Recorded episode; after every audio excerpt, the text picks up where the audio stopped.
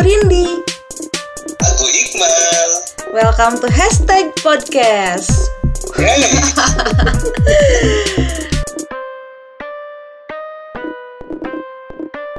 Balik lagi sama Iqmal dan juga Windy.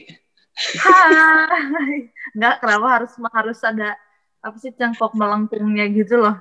Kayak mau MC dangdutan, mohon maaf. Cengkok-cengkok dikit nggak apa-apa lah. Oke, guys. Jadi eh, kalau misalnya udah pada dengerin yang episode kemarin, kita kan ngebahas love language ya, betul? Betul. Betul. Mantap. Sebenarnya kan love language itu kan eh, cara kita buat ungkapin perasaan kita ke pasangan, ya kan? Yoi. Ini masih ada sangkut pautnya juga tentang pasangan hari ini nih. Jadi kita pengen, aku pengen ngobrolin. iya, boleh. Aku habis Aku- skincare. Iya udah nggak apa, aku juga sambil minum air putih. Mantap, bagus untuk menghidrasi kulit agar tidak kering. Cia, mentang-mentang lagi skincarean. Ini kalau misalnya pada tahu ya, ini kita sambil ngezoom, sambil ngezoom, Olin sambil skincarean pakai night cream. BTW Olin itu aku ya, Rindi guys. Ya, Rindy tuh AKA Olin guys. Kalau aku di sini sambil di depan laptop di meja di meja belajar, anjay meja belajar bahasanya cuy. SD yang mereknya Olympus, eh Olimpik. Oke, kita balik lagi. Ini sebenarnya masih topiknya masih sama-sama ngebahas nggak jauh dari pasangan juga. Kalau kemarin kan love language itu cara kita nunjukin perasaan ke pasangan, ya kan? Kalau Mm-mm. sekarang ini aku mau ngobrolin, pengen kita ngebahas tentang kriteria pasangan atau sifat atau karakter yang kamu pengen ada di pasangan kamu. Waduh. Oke. Hmm. Mantap. Aku sebenarnya udah ada udah ada garis besarnya sih apa yang pengen aku obrolin sebenarnya. Karena Hmm. jujur ya, menurut aku bukan menurut aku, menurut orang-orang yang pernah curhat sama aku, kadang Hmm. kriteria itu jadi salah satu hal penting gitu, faktor penting. Kenapa? Soalnya misal gini, misal gini, ada orang yang bilang, enggak, eh, gue mau kalau misalnya pacaran ini, misalnya pacaran atau pengen nikah ya, gue punya dua kriteria yang beda, kriteria buat pacar sama buat pasangan. Maksudnya pasangan yang nikah ya. Lah, Jadi Jadi kalau Ada pacaran nggak nikah gitu? nggak tahu ada beberapa orang yang ngomong kayak gitu. Jadi katanya, gue kalau misalnya nyari pacar, eh beda kriterianya sama nyari istri, kata dia gitu. Ada cowok yang ngomong kayak gitu. Lah, jadi dia menjalani hubungan pacaran nggak goalsnya nggak nikah. Justru itu nggak tahu juga ya, maksudnya ya mungkin dia belum berpikir ke arah sana sih. Karena buat dia pacaran tuh masih buat having fun dulu aja. Dia masih belum mikirin untuk komitmen lebih jauhnya gitu kan.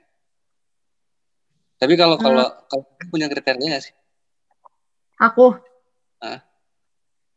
Kriteria kalau aku ya apa ya? Dibilang kriteria banget tuh enggak. Kayak misalnya kan kalau orang-orang tuh kriteria pengen yang ganteng, apa yang putih, yang mapan gitu-gitu kan. Kayak Hmm. kebanyakan orang dan mungkin kebanyakan cewek kriterianya ke situ kayak pengen yang mapan, good looking, baik, soalnya gitu-gitu. Kalau aku sih yang pertama, yang paling utama seagama, cuy. Kalau beda agama, uh susah. oh bisa bisa ditendang dari kartu keluarga tuh kalau misalnya maksain. Itu yang pertama seagama, yang kedua kalau baik itu relatif kan, jadi aku nggak masukin baik ke dalam kriteria. Tapi yang kedua itu adalah yang dia ngobrolnya nyambung. Kayak kalau misalnya ngobrolin apa pun, tema apa pun nyambung sama aku. Nggak ketinggian levelnya, nggak di bawah aku juga. Jadi kayak selevel gitulah obrolannya, pola pikirnya. Jadi kalau kata orang-orang zaman sekarang tuh yang sefrekuensi lah itu. Terus yang bertanggung jawab itu sih. Soalnya namanya cowok tuh kan dilihat dari tanggung jawabnya ya. Dari Hmm. apa yang dia lakuin. Kalau misalnya tuh cowok bertanggung jawab, dia pasti akan kerja keras. Dia pasti akan menghormati istrinya karena dia bertanggung jawab udah menikahi perempuan itu. Kayak gitu loh. Jadi kalau kriteria aku bisa dibilang cuma tiga itu. Yang pertama seagama, yang kedua sefrekuensi segala macamnya. Dan yang ketiga tanggung jawab itu. Kalau aku, kalau Berarti- nah kan kalau kan kalau cewek tuh biasanya kayak gitu kan. Hmm. Maksudnya kayak yang dicari kayak gitu. Karena cewek itu pakai perasaan. Jadi maksudnya yang dirasain dulu. Jadi Hmm. mau pasangannya good looking atau enggak, itu tuh mereka akan menganggap pasangan mereka ganteng kalau emang mereka udah nyaman. Hmm. Nah, jadi mau cowoknya seganteng apa pun, kalau emang dia nggak ada perasaan sama tuh cowok nggak nyaman, dia nggak akan dianggap ganteng juga gitu. Kecuali yang emang gantengnya mutlak. Karena kan ada ganteng relatif dan ada ganteng mutlak kan. Hmm. Kalau yang gantengnya mutlak mah ya udah sih kayak kayaknya nenek-nenek tua juga akan bilang dia ganteng gitu. Kalau nah, aku, kalau cowok kalau cowok kan biasanya lihat dari fisik dulu. Udah lah, jangan muna kan. Cowok-cowok pasti pertama from eye to heart gitu loh. Gak usah munafik ya, wahai para cowok-cowok yang ngedengerin, gak usah bilang, enggak, gue mah nyari cewek yang bla bla bla. Enggak, gue gak percaya. Pasti cowok-cowok tuh pertama lihat dari fisik. Iya gak mau? Aku nggak munafik iya. Kasih klarifikasinya dulu kenapa cowok mandang fisik dulu. Hmm. Buat aku pribadi ya. Karena pertama gini. Mhm.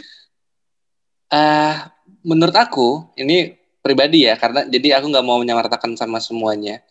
Kalau ada orang yang bilang enggak kok gue nggak ngeliat fisiknya yang pent- yang penting sih gue eh, sifatnya dulu yang penting sih gue karakternya dulu itu bullshit menurut aku Yo. Dia mau ngajak orang itu kenalan lihat dari apanya dulu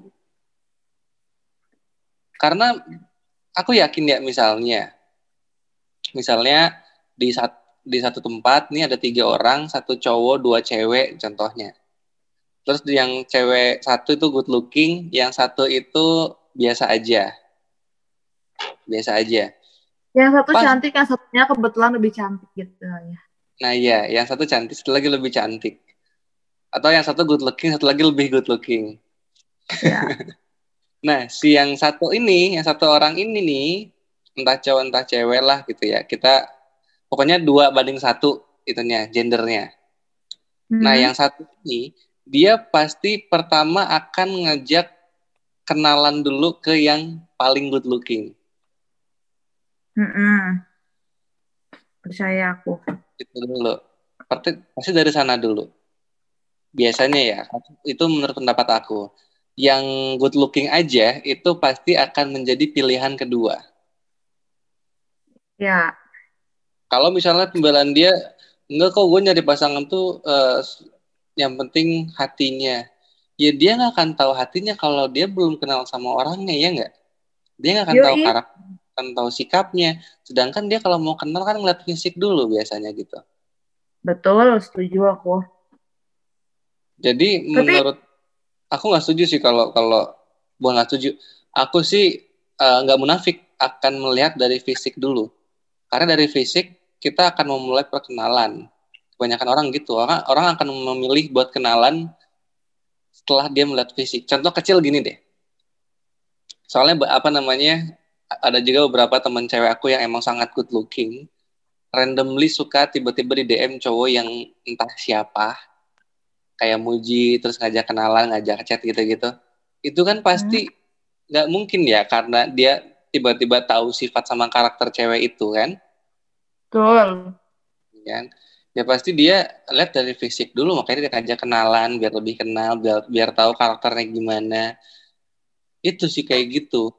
Makanya aku tidak setuju kalau misalnya orang eh, bilang enggak kok aku nggak lihat nggak lihat dari fisik kilih kintil gitu Anjay. Eh, enggak. Tapi gini, yang mau aku tanyain ya, kalau misalnya nih cewek sama cowok tuh udah kenal lama, hmm. kasusnya kayak gitu gimana? Kan kalau misalnya kenalan, entah dia misalnya sekelas apa gimana kan jadinya kenal. Hmm. Terus kayak "Ya udah karena udah kenal lama, terus oh ternyata aku nyaman. Itu kayak gimana tuh kalau kayak gitu? Apakah dia akan tetap mencari yang good looking? Itu beda sih kalau menurut aku. Karena eh, biasanya ya kalau yang udah kenal lebih lama dia yang awalnya kan emang nggak ada niatan buat ngedeketin. Mm-mm. yang tadi aku jalan sebelumnya itu itu berlaku untuk orang-orang yang emang eh, niatnya udah ngedeketin tapi belum kenal posisinya. Kalau misalnya posisinya udah kenal eh, itu apa ya mereka itu tuh bukan bukan beda lagi statement aku. Kalau udah kenal ya udah fisik tuh bukan jadi yang utama karena awalnya mereka udah kenal. Jadi mereka udah pertama tuh langsung lihat karakter. Mereka udah kenal dulu nih misalnya fisiknya uh, good looking. Good looking aja gitu kan. Good Misalnya looking. Uh, terus uh, in the moment dia merasa sama orang ini tuh dia nyaman dia ngerasa nyambung juga dia ngerasa cocok juga ya itu kan berarti dia memilih orang itu kan emang karena karakter Mm-mm. Betul. fisik tuh akan jadi nomor dua kalau menurut aku Ah. kebalikan Nah, Kalau berarti kalau kayak gitu Berarti kalau kayak gitu kriteria pasangan kamu gimana? Maksudnya kan tadi kamu di awal bilang ada kriteria pacar dan juga istri. Nah, kamu tipikal yang juga punya dua kriteria kayak gitu atau sama aja? Mau pacar, mau istri kriterianya sama. dulu aku sempet kayak gitu gitu gimana? iya aku punya dua kriteria yang beda buat pacar sama buat istri Sumpah. dulu aku pernah kayak gitu sempet Atas dasar apa, woi? Karena dulu tuh aku belum aku belum berpikiran untuk untuk melak menjalin komitmen ke jenjang berikutnya karena dulu tuh aku kalau pacaran tuh emang literally buat having fun kayak udah yang oh, penting yang kalau istri yang mau dibawa susah gitu. Kalau pacar yang dibawa fun. dulu maksudnya dulu tuh ya udah yang penting gue punya temen temen nong- temen nonton temen nongkrong temen makan temen jalan-jalan motor- motor-motoran gitu kan atau apa gitu kan temen chattingan gitu Ah. Ah, Atau- aneh juga. Oke. hmm, happy happy gitu kan seneng seneng apa kayak gitu kalau untuk terus yang kriteria keduanya kalau buat istri beda lagi tapi sekarang eh, seiring Enggak, enggak, sebelum bentar, bentar. Sebelum yang sekarang jelasin dulu yang dulu kriteria pacar lu kayak gimana, kriteria istri waktu itu kayak gimana. gak bisa anjir gue gak bisa jelasin anjir Enggak, enggak, enggak jelas. Nggak mau tahu jelasin. Anda sudah membuka itu nggak boleh setengah dong. Tadi kamu udah nanya kriteria pasangan aku. Aku sih pacar dan suami sama. Nah, kamu kan Oke. tadi sempat Oke, waktu beda apa? Gak usah sok-sok nafik ya. kita yang sekarang lah Enggak, enggak, enggak mau gue. Kalau ya udah. Kalau Bilang belum pernah ya udah jelasin dong. kalau dulu itu gue nyari kalau buat kriteria pacar ya. Hmm? fisik nomor satu sih. Penampilan bukan fisik ya penampilan. Oke. karena kalau fisik itu kan kayak ya fisik gitu. Kayak misalnya eh, tinggi badan atau bentuk tubuh atau wajahnya seperti apa. Tapi waktu itu gue lebih lebih prefer ke penampilan gimana cara dia menunjukkan diri dia ke halayak aja halayak bahasanya tuh keren kayak misalnya Oke. dia dia Iya kayak mis ya. Eh bukan itu itu bukan sih. Oh ya good looking aja deh intinya gitu ya. Good looking. Oke. Oke yang pertama good looking, good looking, good looking badai gitulah. Oh, cewek-cewek yang cetar-cetar gitu ya. Yoi makanya dulu gue beberapa kali dekat sama kayak sama kayak dancer, model gitu-gitu kan. Hmm. King. Terus juga anaknya seru gitu kan. Bisa diajak gila-gilaan, seru-seruan, nggak jaiman. Juga easy going banget orangnya gitu kan. Kalau misalnya buat yang kriteria seriusnya saat itu, dulu gue lebih berpikir, gue pengen, eh gue suka sama cewek yang senang sama anak kecil.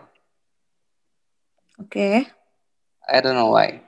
Dulu ya, dulu di saat berarti kan di saat gue masih punya dua kriteria yang berbeda itu, pikiran gue masih dangkal ya tentang hal-hal seperti ini ya. Gue Ih, masih nggak tahu. Jadi saat itu kriteria istri gue cuma tiga kalau nggak salah. Apa? Sayang sama gue dan keluarga gue, suka sama anak kecil, sama Oke. bisa masak. Oke.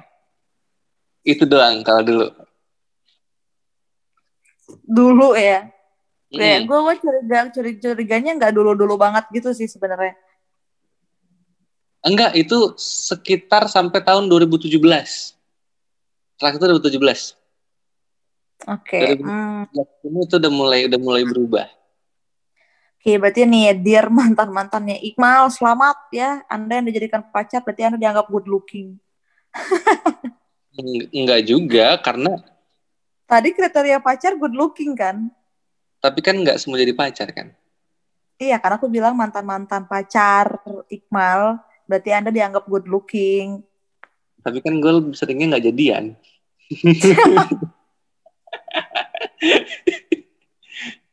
Ya buat sih. Kenapa yang good lookingnya kagak mau apa bagaimana tuh? Kagak yang yang good lookingnya mau, cuman gue nggak mau. Wow, songong ya Anda ya. Sombong juga Anda. Iya, ya ribet. pengalaman pengalaman gue ya orang-orang yang good looking yang dulu apa sempat beberapa kali dekat sama gue itu ribet. Cuma launya aja yang nggak mau lebih effort. Emang saat itu Oke, itu kan dulu. Sekarang gimana nih?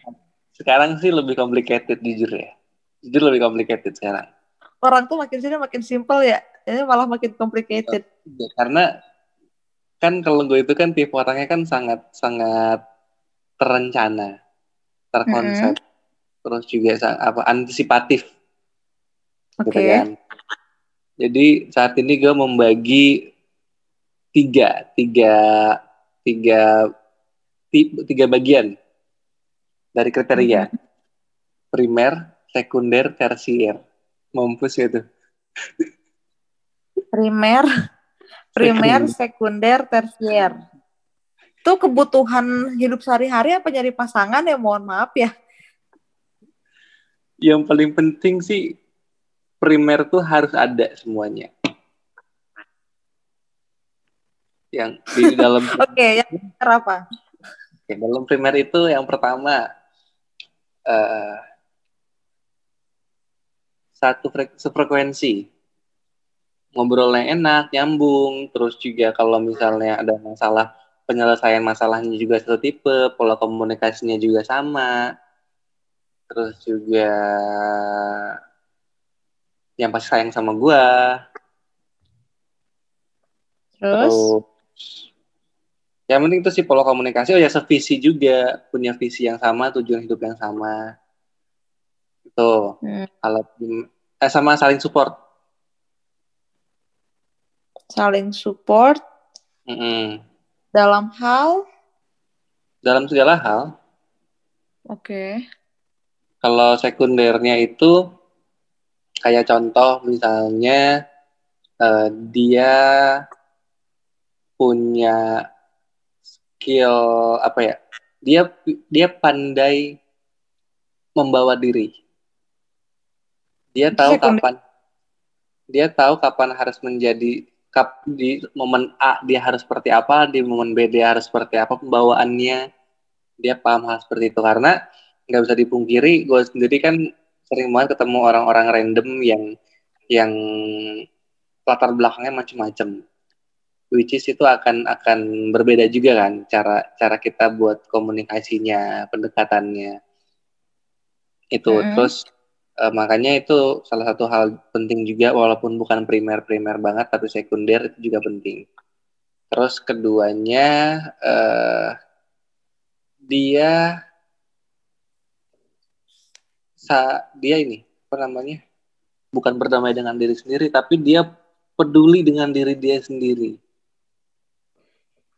Nah, itu peduli dengan diri dia sendiri itu maksudnya dia nggak nggak nggak cuek sama dirinya sendiri, tapi dia tahu apa yang harus dia lakuin untuk dirinya lebih baik dan lebih baik.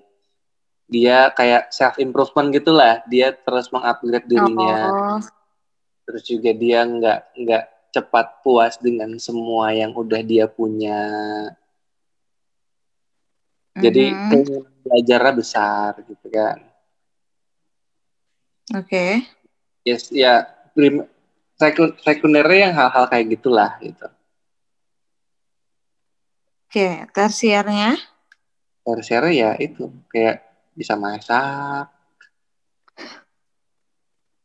Kenapa hal itu masuk ke tersier yang sebelumnya itu jadi kriteria utama? Karena makin ke sini gue makin sadar kalau gue tuh nyari istri bukan nyari ART. Berarti dulu lu sempat mikir kalau istri istri lu adalah ART hidup lu Enggak selamanya. gitu. Enggak gitu dong. Gue tampol nih. Eh gini, apa namanya? Gue ada apa ya, bukan ada satu momen. Gue sempat terpikir di eh, kalau misalnya gini. Gue ngomong sih gue lupa kan. Itu yang pasangan istri ART. Eh iya. eh gue nggak ingin memaksakan istri gue tuh harus masak setiap hari. Kayak misalnya gini, misalnya kayak nyuci baju, masak gitu kan. Misalnya satu hari cucian kita banyak numpuk. Mm-mm. eh istri gue lagi males nih, lagi lagi nggak mood buat nyuci. Ya udah nggak usah laundry aja. Atau misalnya eh kita pengen makan tapi bahannya ada tapi dia juga lagi lagi nggak pengen buat masak ya udah kita beli aja. Kalau dia mau nyuci ya tinggal nyuci, kalau dia mau masak ya masak. Tapi kalau enggak ya udah. Oke. Jadi gue nggak menjadikan itu sebagai tuntutan tuntutan dia harus melakukan itu gitu. Karena istri itu ingin gue jadikan sebagai ratu. Jadi kalau mau nyuci dan masak ya udah, tapi kalau enggak ya tinggal laundry, tinggal kita go food atau beli di luar, makan di luar. Jadi nggak mau gue bawa ribet gitu. complicated ya. Anda Anda Anda akan kesulitan loh mencari perempuan yang memenuhi syarat primer dan sekunder. Kayak, Betul. kayak bentar-bentar. Kan- Lau tuh mencari calon istri apalagi buka CPNS. Ada Lebih harus self improvement. Personal asisten sih. Kayak wow, berat ya syarat untuk menjadi istri Sampai Anda. gue, gue ini sempat ada apa ya? Sempat bukan baca sih, sempat ada yang curhat kalau eh, ada pasangan suami istri yang, yang berantem cuma gara-gara si istrinya nggak masak, malas masak. Terus juga cuciannya numpuk karena istrinya capek ngurus anak dan lain sebagainya gitu. Jadi gue nggak mau hal-hal kayak gitu malah jadi hal-hal yang alasan buat berantem. Kalau masih ada jalan keluar yang lebih simpel, kenapa harus yang ribet? Padahal episode sebelumnya gue bilang kalau ada yang ribet, kenapa harus yang simpel ya? Iya, iya itu dia. Kagak konsisten emang. Eh, tapi gini loh, kalau menurut aku ya kriteria bisa masak dan suka anak kecil adalah kriteria yang, yang lebih mudah untuk dipenuhi dibandingkan harus mau self improvement, mau belajar terus.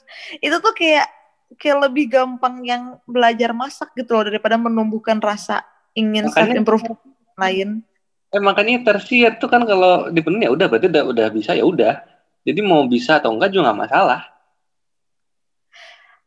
Tapi buat yang pengen jadi istrimu, berat bun, kayak karena primer dan sekundernya tuh syaratnya lumayan ya.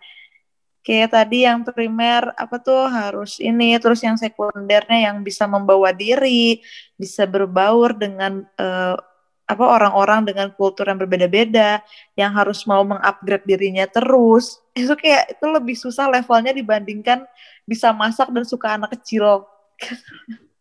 Iya sih. Tapi ya gimana Jadi emang? soalnya gini loh ketika lu udah dapet istri yang mau self improvement ya Hmm. istri istri lo tuh akan belajar masak karena dia mau mengupgrade dirinya which is dia akan jadi bisa masak terus That's why aku nyimpen itu. Jadi Terus kalau kalau- pasti akan bisa tersiernya gitu loh. Ngerti gak sih? Agak kalau bisa uh, berbaur dengan situasi apa pun, dia juga akan jadi suka sama anak kecil. Karena dia akan beradaptasi gitu loh. Jadi ya udah. tersiernya ada tuh akan terpenuhi ketika primer dan sekunder terpenuhi. ya udah. Tapi kan sometimes orang pasti ngeliat dari tersier dulu. Dari atau dia nyari dari yang paling gampang dulu buat dia penuhin. Misalnya di antara semua kriteria tadi itu ah yang paling gampang ini dulu deh mau belajar masak dulu deh dia belajar dulu. Terus pas udah belajar masak suka sama anak kecil pas naik ke sekundernya improvement. Ah ternyerah duluan dia. Ya udah kalau nyerah ya udah. Eh, kalau kayak gitu susah gak sih nyari calon istrinya? Maksudnya eh, cari cari pasangan kayak gitu? Emang susah? Gue 24 tahun baru baru ketemu sama satu orang yang seperti itu Gila. untuk seorang kamu yang ketemu dengan banyak orang setiap harinya terus selama 24 tahun baru nemu satu kan iya nyusahin diri kamu sendiri gak sih? ya emang, tapi worth it. Iya sih.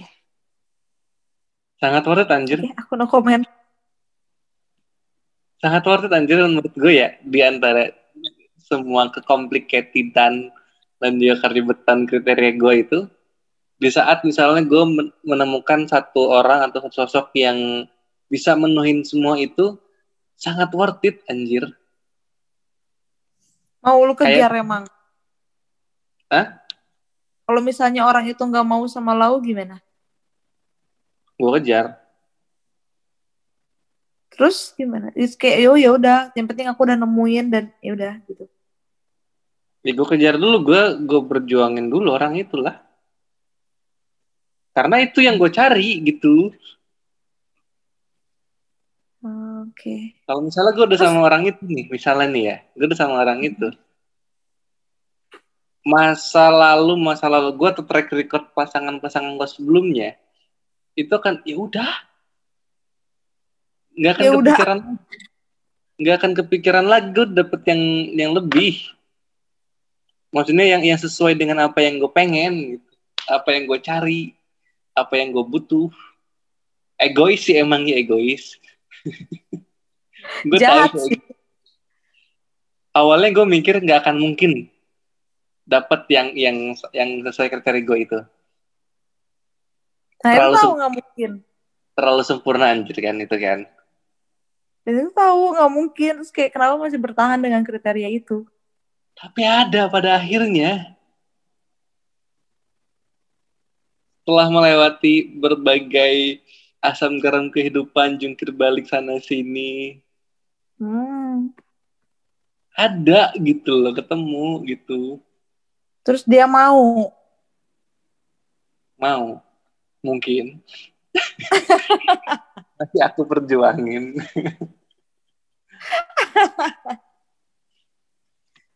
udah cuman satu sekalinya nemu kalau dia nggak mau ya udah jomblo lama lagi ntar. Nggak apa ya enggak sih nggak tahu lah. Apa sih? Enggak nggak tahu lah gimana sih? Eh coba kamu kan tadi kriterianya ada beberapa tuh kan? Ada tiga itu ya, uh, mm -hmm. kalau kan kata orang ada ada yang ada orang yang bilang hubungan itu 20% perasaan, 30% logika, 50% tuh kompromi. Ya. Gimana cara cara kamu uh, kompromi? Misalnya kamu udah punya pacar tapi pacar kamu nggak sesuai sama kriteria kamu. Gimana cara kamu kompromi dengan itu? Nggak suka sama kriteria aku. Nggak sesuai sama kriteria kamu. Oh. tapi itu jadi pacar kamu. Nggak sesuainya poin mana dulu. Kalau seagama kalau nggak seagama kagak bisa kagak bisa maju itu mau udah susah itu seagama lah seagama lah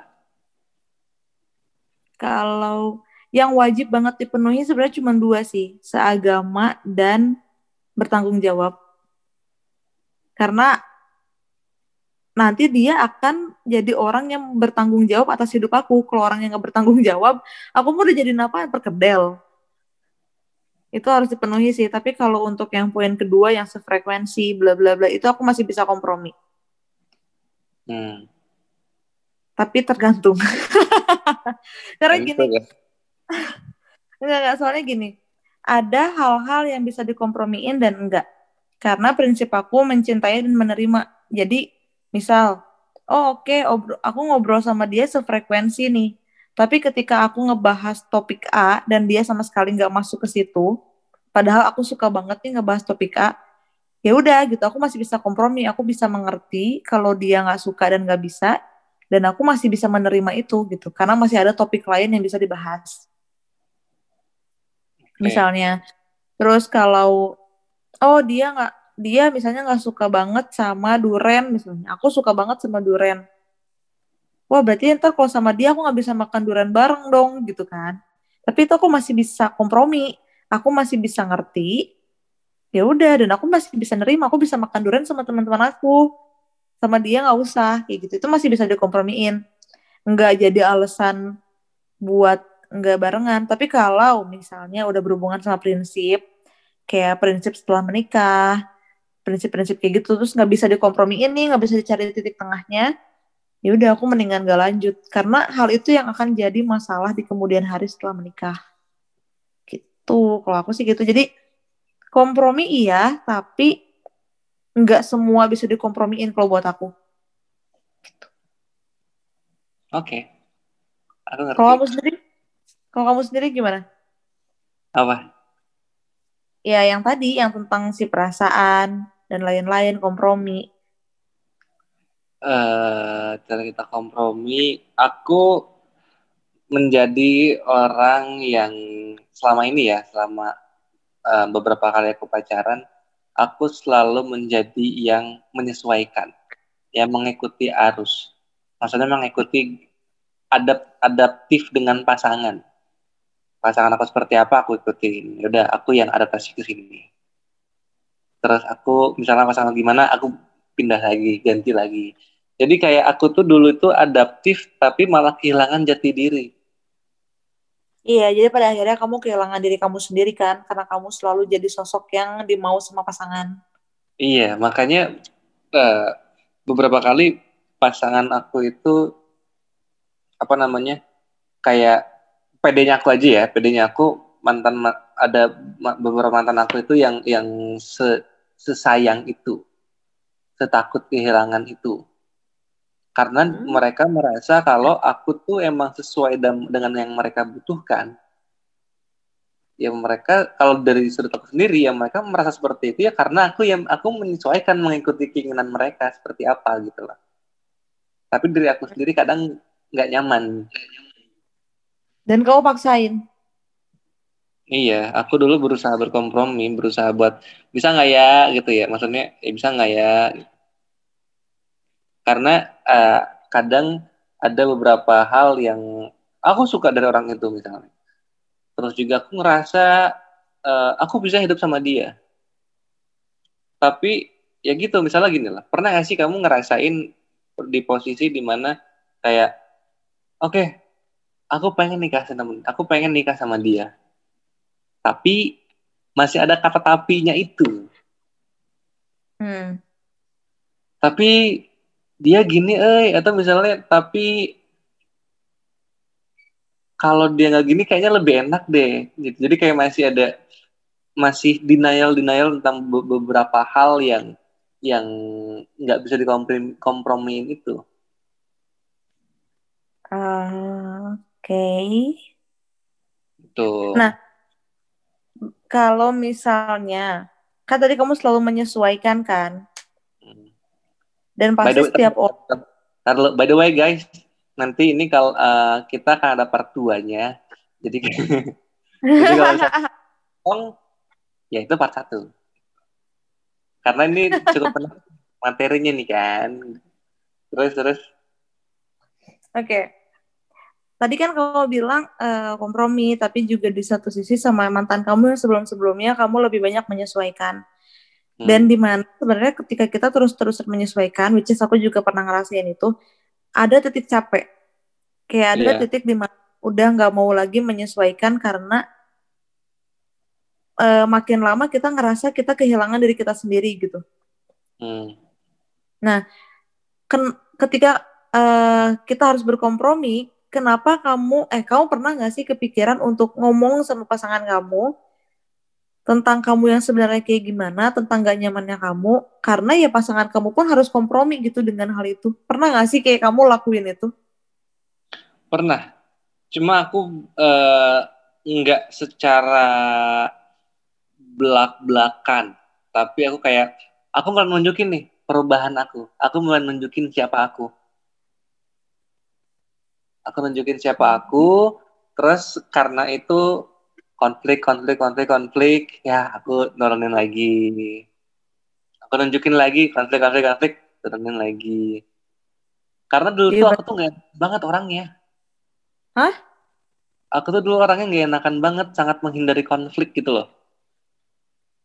Ya tapi pada akhirnya kamu gak ngajarin pasangan kamu untuk kompromi dong. Iya, eh ngajarin. Karena sometimes aku juga satu apa selalu ada momen di eh misalnya malam nih kita ngobrolin tentang hal apa yang kamu suka dan kamu nggak suka dari aku atau hal apa yang bikin kamu nggak nyaman. Kayak evaluasi hubungan dua minggu sekali atau sebulan sekali gitu loh. And then Dan itu dan berhasil. yang keinginan dia aku penuhin tapi keinginan aku I don't think so. A- aku tidak merasakannya. Iya Cuma- berarti dia kompromi dong. Hmm? Ya maksudnya berarti dia eh secara kasarnya ini buat mantan Iqbal kalau ngedengerin maaf maaf ya. Secara kasarnya berarti dia tidak mau berkompromi dengan diri kamu yang sebenarnya dong. Ya, aku merasa seperti itu. Ini kita part dua. Wah, biar penasaran dulu.